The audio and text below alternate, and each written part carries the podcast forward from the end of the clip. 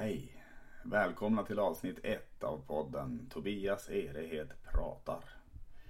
Det är jag som är Tobias Erehed och om någon lyssnare inte vet vem jag är kan jag nämna att jag är ståuppkomiker, bosatt i Malmö, 38 år gammal och pratar som jag gör för att jag växte upp i Tärnaby uppe i Lappland. Och jag har länge tänkt att jag borde starta en podd, men det har aldrig blivit av. Det kan bero på att fram tills väldigt nyligen har jag kunnat vara ute på klubbarna och testa mina skämtidéer. Och fått utlopp eh, på det sättet. Men nu är det ju som ni alla vet lite dystrare tider. Evenemang ställs in på grund av det där dumma viruset. Och man tvingas helt enkelt hitta andra lösningar för att ändå kunna vara en aktiv humorist. Och för att ha en möjlighet att få igen lite av den inkomst jag förlorar på alla inställda gig har jag startat ett Patreon-konto. Det är patreon.com snedstreck Tobias Erehed pratar. Där kan man stötta den här nystartade podden om man vill. Så att den får utvecklas till det den en dag är tänkt att bli. För jag har i, i nuläget ingen aning om hur man gör en bra podd. Jag måste helt enkelt testa mig fram. Om man blir Patreon kommer man även få tillgång till lite bonusmaterial som jag håller på att jobba fram. Men nog om detta. Nu kör vi igång första avsnittet av podden Tobias Erehed pratar. Om du har så tråkigt att du dör, ja sätt då på min podd och hör Tobias Erehed pratar. Eftersom det här är poddens första avsnitt eh, tänkte jag gå igenom lite hur upplägget kommer att vara. Den heter ju Tobias Erehed pratar.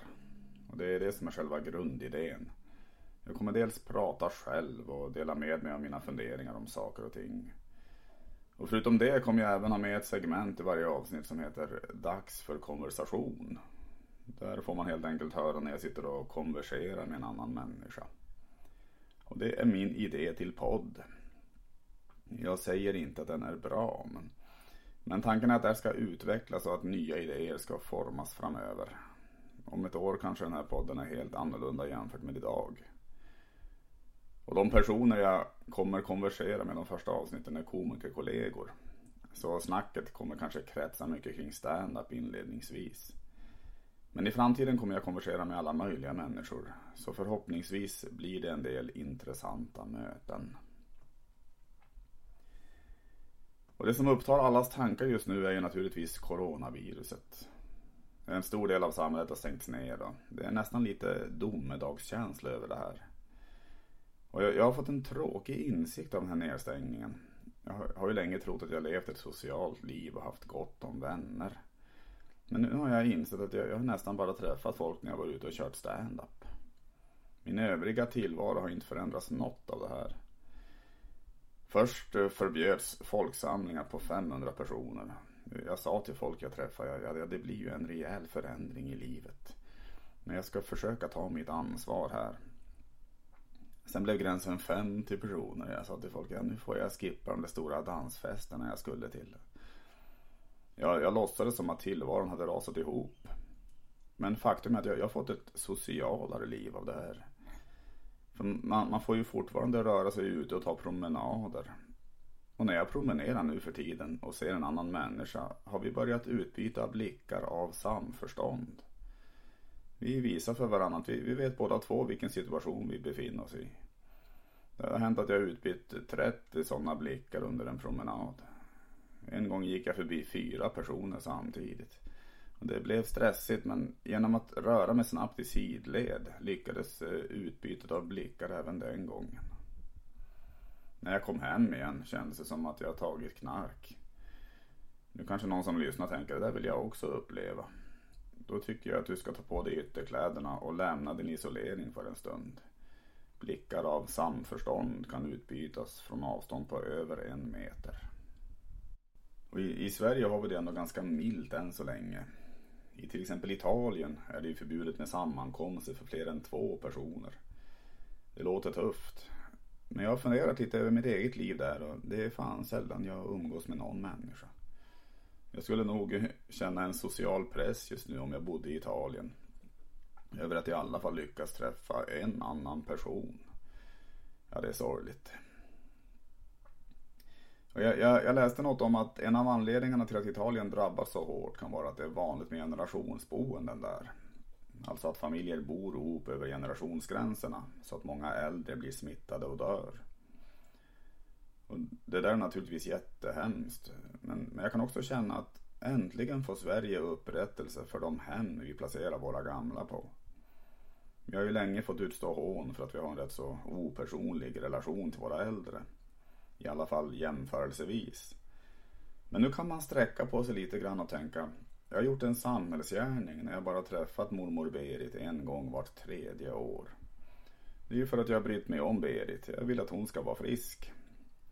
Visst, det har kanske inte alltid varit tal om något virus men man vet ju ändå aldrig vilka smittor man drar med sig. Faktum är att jag, jag bryr mig om Berit så mycket så jag har bestämt mig för att aldrig träffa henne igen. Jag, jag blir nästan rörd när jag inser att i Sverige har vi under decennier förberett våra äldre på ett liv i karantän. Men i Italien där har man syndat i alla tider.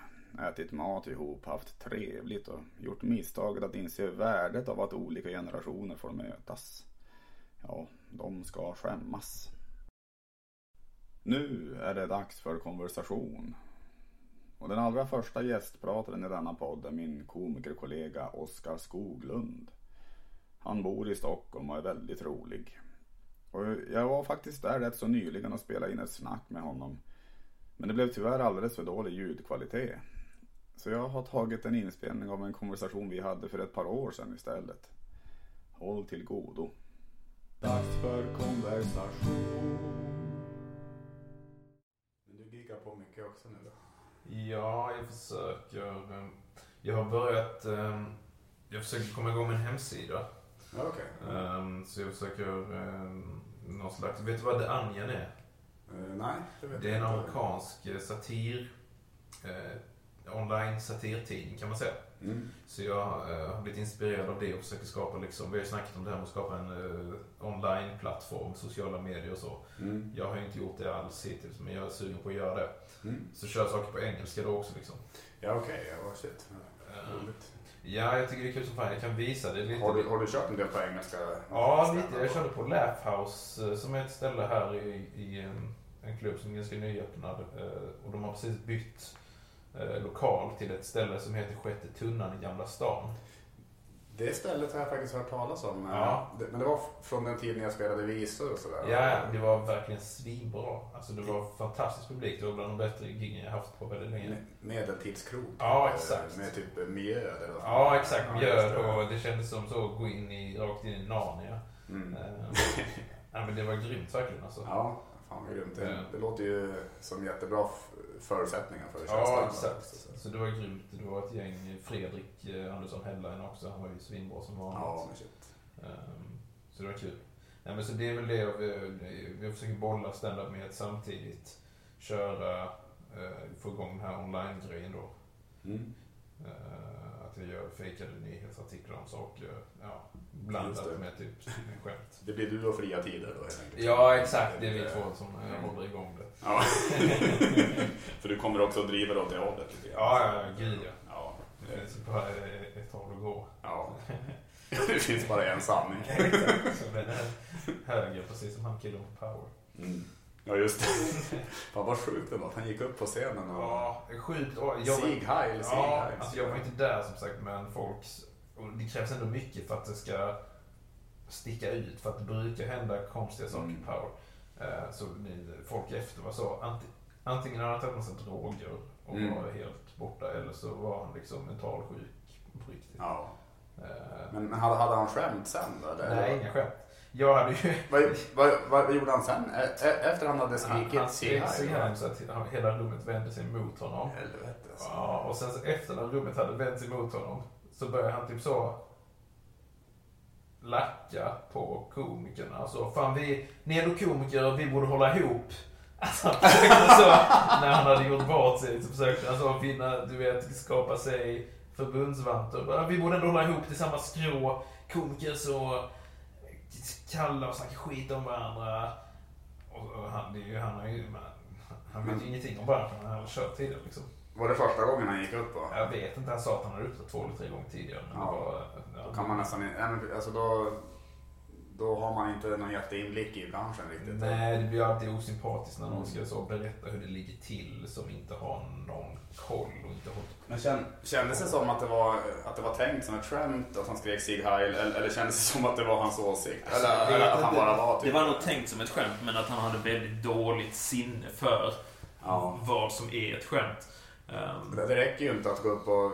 Visst, man kan komma en liten bit med att vara chockerande men det måste ju finnas något mer. någon liten Ja. finess. Jag hade ju önskat, jag sa det efter, jag frågade dem, fanns det något uns av talang? För jag hade ju önskat att det var något sånt nytt avantgarde, Ja, briljant, att i efterhand visade sig som att så jävlar, han var före sin tid. ja, precis. Men de sa att det var bara psykos.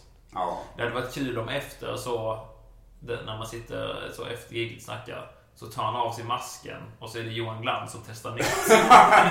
just det. Det var verkligen Johan Glans eh, mörka sida. Ja, exakt. Alltså, Det var ett jävla plot twist. Ja, ja, shit alltså. Fan. Ja. Ja, det, var, det låter absurt. Men det är klart, sånt kan ju hända på gratisklubbar. Ja, det är ju en del av charmen också, det oförutsägbara. Ja, men så är det ju. Jag har ju varit, men det var ju inte så...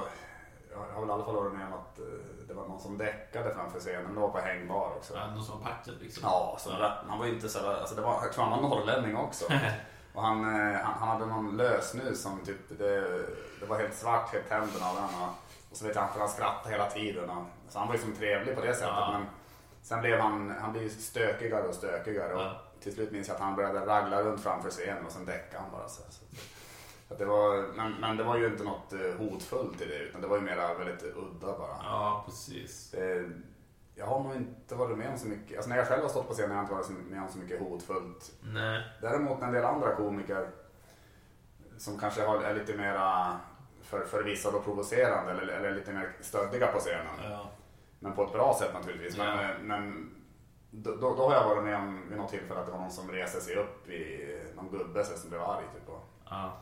Men då skrek ju alla sätt dig ner för fan och Ja. han blev väl rädd att han satt, satte sig sen. Och så. ja, precis. Så att, Eh, eh, ja. Man får ju oftast ändå stöttning av de andra komikerna. Ja, Om man inte går upp och skriker Sieg Heil eh, Ja, och inte har något precis. mer att komma med. Då, Nej, kanske man inte får, då får man inte någon stöttning. precis. Och komiker känner ju, man känner ju ändå varandra så pass väl så även om något skulle göra någonting som är så...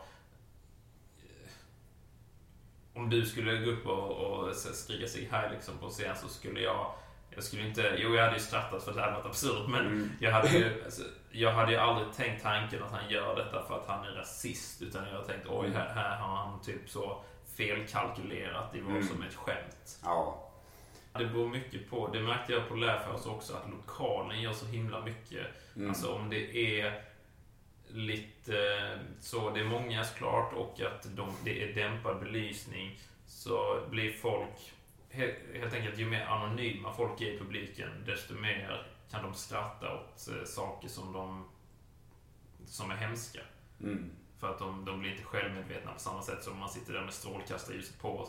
Så Man kanske skrattar åt, eh, det är ett kul skämt om pedofili rasism, men för att man känner sig iakttagen och man är rädd att bli dömd för att man ska en dålig människa och man skrattar åt det så, så, så kan man inte slappna av på grejer. Nej, precis.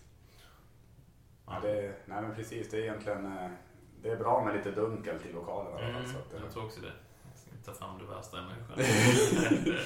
Jo, nej, men det är något, det är något befriande. Alltså, I alla fall när det är gjort med finess. Alltså. Mm. Men, det är ju, men det ska ju vara, alltså, jag älskar ju råa skämt som är gjorda med finess. Tycker jag. Precis. Det är bland det bästa som finns. Ja, det är ju där eh, sådana som Anton Magnusson och Fredrik Andersson, Simon Gärdenfors, alla Mm. de här är så jävla beundransvärda. Mm. De har ju både det, provokationen, men det är absolut inte bara provokation. Precis som South Park, att man kan inte avfärda det genom att säga att det är bara fishumor, för det är det inte. Det finns massa Nej, fler nej, nej. lager av det. Det hade det finns. bara varit fishumor hade vem som helst kunnat göra det. Det kan de inte. Det är riktigt, det är jättesmart satir ofta Mm. det där. Precis. Och sen bland, men det är väl det som gör att det blir kul också, att de blandar ju det med lite trams. Exakt. Blandas ut med Ja. det på något sätt. Och jag, jag tror det är väldigt effektfullt just när man gör det där gulliga eh, de här gulliga animationerna och det här lite barnsliga fisandet stundtals. Det, som du säger, det blir en bra så- kontrast. Och jag tror också typ Anton Magnussons senaste special, där de snackar om Benne, att den är animerad. Det gör också att man kan ta in det på ett annat sätt för Mm. att det blir mer gulligt och oskyldigt. Ja. När det är en sån söt, enkel, animerad gubbe som Mm. står där och säger de här sakerna så sänker man garden också. Det Ja. blir mer likeable. Precis. Och det är ju en briljant idé egentligen att, Mm. att, göra- att en sån. Alltså. Ja, det kanske blir ett, eh, eh, jag, en trend. Ja, det definitivt kan jag tänka mig göra. Mm. Jo men samma här faktiskt. Det, hade, hade varit, det, det känns som att det behövs lite nya grepp ibland också. Mm. Så det hade varit roligt då. Men, men det kräver ju naturligtvis mycket jobb också. Så. Ja, så är det. Nej men det du nämnde med Spotify, det är jag också sugen på som fan faktiskt. Eh, Det hade varit kul att, kabla ut såna grejer där. Mm. Eh, Jag vet inte vad... Förlåt, vad skulle du säga? Nej, nej, nej, jag ska bara säga att på tal om Youtube också att jag, jag funderar faktiskt mycket på Visst, alltså det skulle vara jättehäftigt med animerat och sådär. Det, Mm. det skulle vara en skitcool grej. Men till att börja med tror jag att jag skulle, jag skulle väldigt gärna vilja filma lite gig med, med alltså man kanske har tre kameror och göra lite, lite proffsigt gjort. Alltså med lite Okej. olika vinklar och sånt där. Ja. Och sen eh, att, att om man söker på mig på Spotify så är det sånt som ska komma upp först, tänker jag. Mm. För just nu så är det egentligen de här, det, det, det som är filmat med mobilen då som kommer upp. Just det. Och, och jag tänker lite grann att det, att det, det ger ett proffsigare intryck i alla fall. Man, Ja. man kanske stärker eh, sitt varumärke lite grann. Jo men så är det nog, tänker jag, på samma sätt som att man har en eh, snygg hemsida som är proffsigt gjord istället för Mm. att ha någon sån gratis grej. Så Mm. eh, det tror jag definitivt, det ger ett mer seriöst helhetsintryck. Mm. Vad skulle du säga? Jag, Eh, vad- Jo men Spotify och sånt. mm. För att jag är ju så, man är sugen på att lägga ut någonting. Det är ibland skräckblandad förtjusning. Man är sugen, men det är också jävligt läskigt att man blir väldigt självmedveten känner jag. Ja. Och i synnerhet då om man har lite grövre saker, liksom att folk som eh, från andra sfärer av ens liv, jobb, kollegor, ja du vet och så vidare, ska Mm. hitta det, eh, ta det ur sin kontext, som inte har förståelse för komedi och sådär. Men samtidigt så måste man ju bara köpa ett sånt. Ska, det finns inget sätt att ducka för det där om man vill hålla på med det här. Nej. Det är bara att köpa det och ta det steget och, och är det någon som tycker att man är misstolkade och tycker att man är ett svin så får de tycka det. Det kommer ju alltid att vara folk som tycker. Alltså det är på samma sätt som att det kommer alltid att vara folk som tycker alltså, att man är rolig eller inte. Alltså, Ja. Eller tråkig. Alltså, menar, som för min del, alltså jag som inte kör kanske så grov humor. Men Mm. det finns väl folk som tycker att jag är jättetråkig också. Det är klart det finns det. Precis. Men eh, det jag tänkte... Och du bara precis. jag tänkte att ja, där kommer där, där, där kommer Oskar att säga emot här. Det var detta avsnitts konversation. Nästan skönt att det var inspelat innan corona. För det pratades ju tillräckligt mycket om detta ämne ändå. Många är ju arga på hur regeringen hanterar krisen. Och ilskan har ju i många fall riktats mot eh, statsepidemiologen Anders Tegnell. Men folk är ju alltid arga på de som styr och har ansvar för saker. Och det finns säkert mycket som kan skötas bättre. Men jag känner ibland att det, det kan bli lite orättvist också. Det, det bor ju ändå över 9 miljoner människor i Sverige. Så det är ju kanske inte jätteenkelt att styra upp det här. Jag pratade faktiskt med en tjejkompis för någon vecka sedan. Hon var väldigt arg på hur regeringen hanterade det här och sa de kan ju inte hålla koll på någonting. Någon dag senare var jag på stan och gick förbi henne och hennes två barn. Hon kollade ner i mobilen. Den ena ungen hade klättrat upp i ett träd och hängde i en gren över bilvägen. Den andra gick runt och slickade på soptunnor. Men det är ju ganska klassiskt att folk säger det där kunde jag gjort bättre. Det är även vanligt om man är på en krog och ser en fotbollsmatch. Det kanske var någon som skjuter mot mål och missat. Då är det ofta någon rätt så plufsig och berusad kille som skriker. Den där hade till och med jag satt. Själv kollar jag inte så mycket på fotboll. Men de gånger jag gjort det har nog en liknande arrogans kunnat slinka ur mig också. Och min mardröm är att jag är på en fotbollsmatch live någon gång och ser någon, kanske Manchester United mot Liverpool. Någon i Manchester United råkar tappa bollen och jag, jag skriker någon förolämpning på engelska. Då kommer förbundskaptenen upp på läktaren, går fram till mig och säger Sorry, we didn't know you were here. Come with me. Sen tvingas jag följa med. De drar på mig Manchester Uniteds kläder och sätter mig på planen. Jag placeras i exakt samma situation som den spelare jag kritiserade. och alla på läktaren samt flera miljoner tv-tittare väntar spänt på den briljanta dribblingen jag ska bjuda på. Domaren blåser igång matchen och jag stapplar iväg med bollen. Jag kan ju nämna att jag har världens sämsta bollkontroll. Först är det knäpptyst i hela stadion. Sen börjar alla hånskratta. Hela stadion dånar av skratt. Motspelarna flyttar på sig och låter mig springa fram mot målet. Till och med målvakten går åt sidan. Jag skjuter och missar öppet mål. Ja, det var en mardröm jag ville dela med mig av. Jag tror i alla fall man ska passa sig för att vara för arrogant. Och det är ju en riktigt jobbig situation vi befinner oss i men förhoppningsvis kommer vi ur den här krisen rätt så snart. Så att alla kan få leva det liv de vill leva. För min egen del handlar det ju om att återigen kunna flänga runt på standup-klubbarna och intala mig själv att jag har ett socialt liv. Och nu när man inte kan vara ute och gigga så mycket är det viktigt att vara lite aktiv på sociala medier. Så jag har försökt att bli lite bättre på det. Vissa menar ju dock att det, är farligt med sociala medier. Att staten övervakar all information vi lämnar ut. Jag hade en kompis en gång som var extrem med det där. Han sa, jag ser att du skrivit ditt eh, födelsedatum på Facebook. Det kommer staten utnyttja. Jag blev först rädd. Men sen tänkte jag, vad är det värsta staten kan göra med den informationen? Kommer staten knacka på när jag fyller år och ge mig en present jag inte vill ha? Eller ännu värre, staten arrangerar ett sånt där födelsedagskalas som jag hatar. Jag ska sitta i centrum och alla står upp och sjunger för en. Min kompis brukar även prata om stans övervakningskameror. Han brukar peka på dem och säga Storebror ser dig hela tiden. Storebror ser dig. Det blev jag däremot inte så rädd för. För jag har en storebror. Han bor i Värnamo och är jättesnäll. Och uttrycket storebror ser det kommer ju från George Orwells eh, framtidsdystopi 1984. Men när jag var liten trodde jag faktiskt att det där uttrycket kom från någon som hade en jätteelak storebror. Som alltid följde efter honom. Någon som blev trakasserad hela uppväxten. Och det byggdes upp en enorm ångest över att behöva möta den, denne bror varje dag. Sen när han blev äldre och flyttade hemifrån levde det kvar i honom så han blev paranoid och psykiskt rubbad. Så en dag när en kompis sa fan vad mycket övervakningskameror det blir i stan. Då svarade han ja det, det är storebror. Han ska ha koll på varenda steg jag tar. Kompisen fortsätter och jag har även hört att eh, telefonsamtal övervakas. Har du märkt att det knäpper i luren ibland? Svarar ja det är storebror. Han bestämmer vad jag får prata om. Sen spreds det här uttrycket och började gälla allmänt för en statlig kontroll av landets medborgare. Ja, det hade egentligen varit roligare om det var så det här uttrycket uppkom. Nu börjar det här avsnittet närma sig sitt slut. Och i dessa tider är det ju lämpligt med underhållning som inte kräver att man trängs med en massa andra människor. Så jag kan tipsa om att jag har en stand-up-föreställning på Spotify som man kan lyssna på om man vill. Den heter Jo men visst och är cirka 40 minuter lång.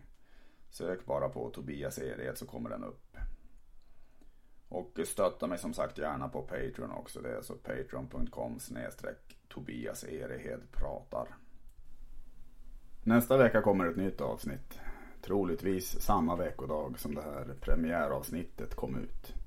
Jag hoppas att ni vill lyssna då också. Hej då! Om du har så tråkigt att du dör Ja, sätt då på min podd och hör. Tobias Erehed prata.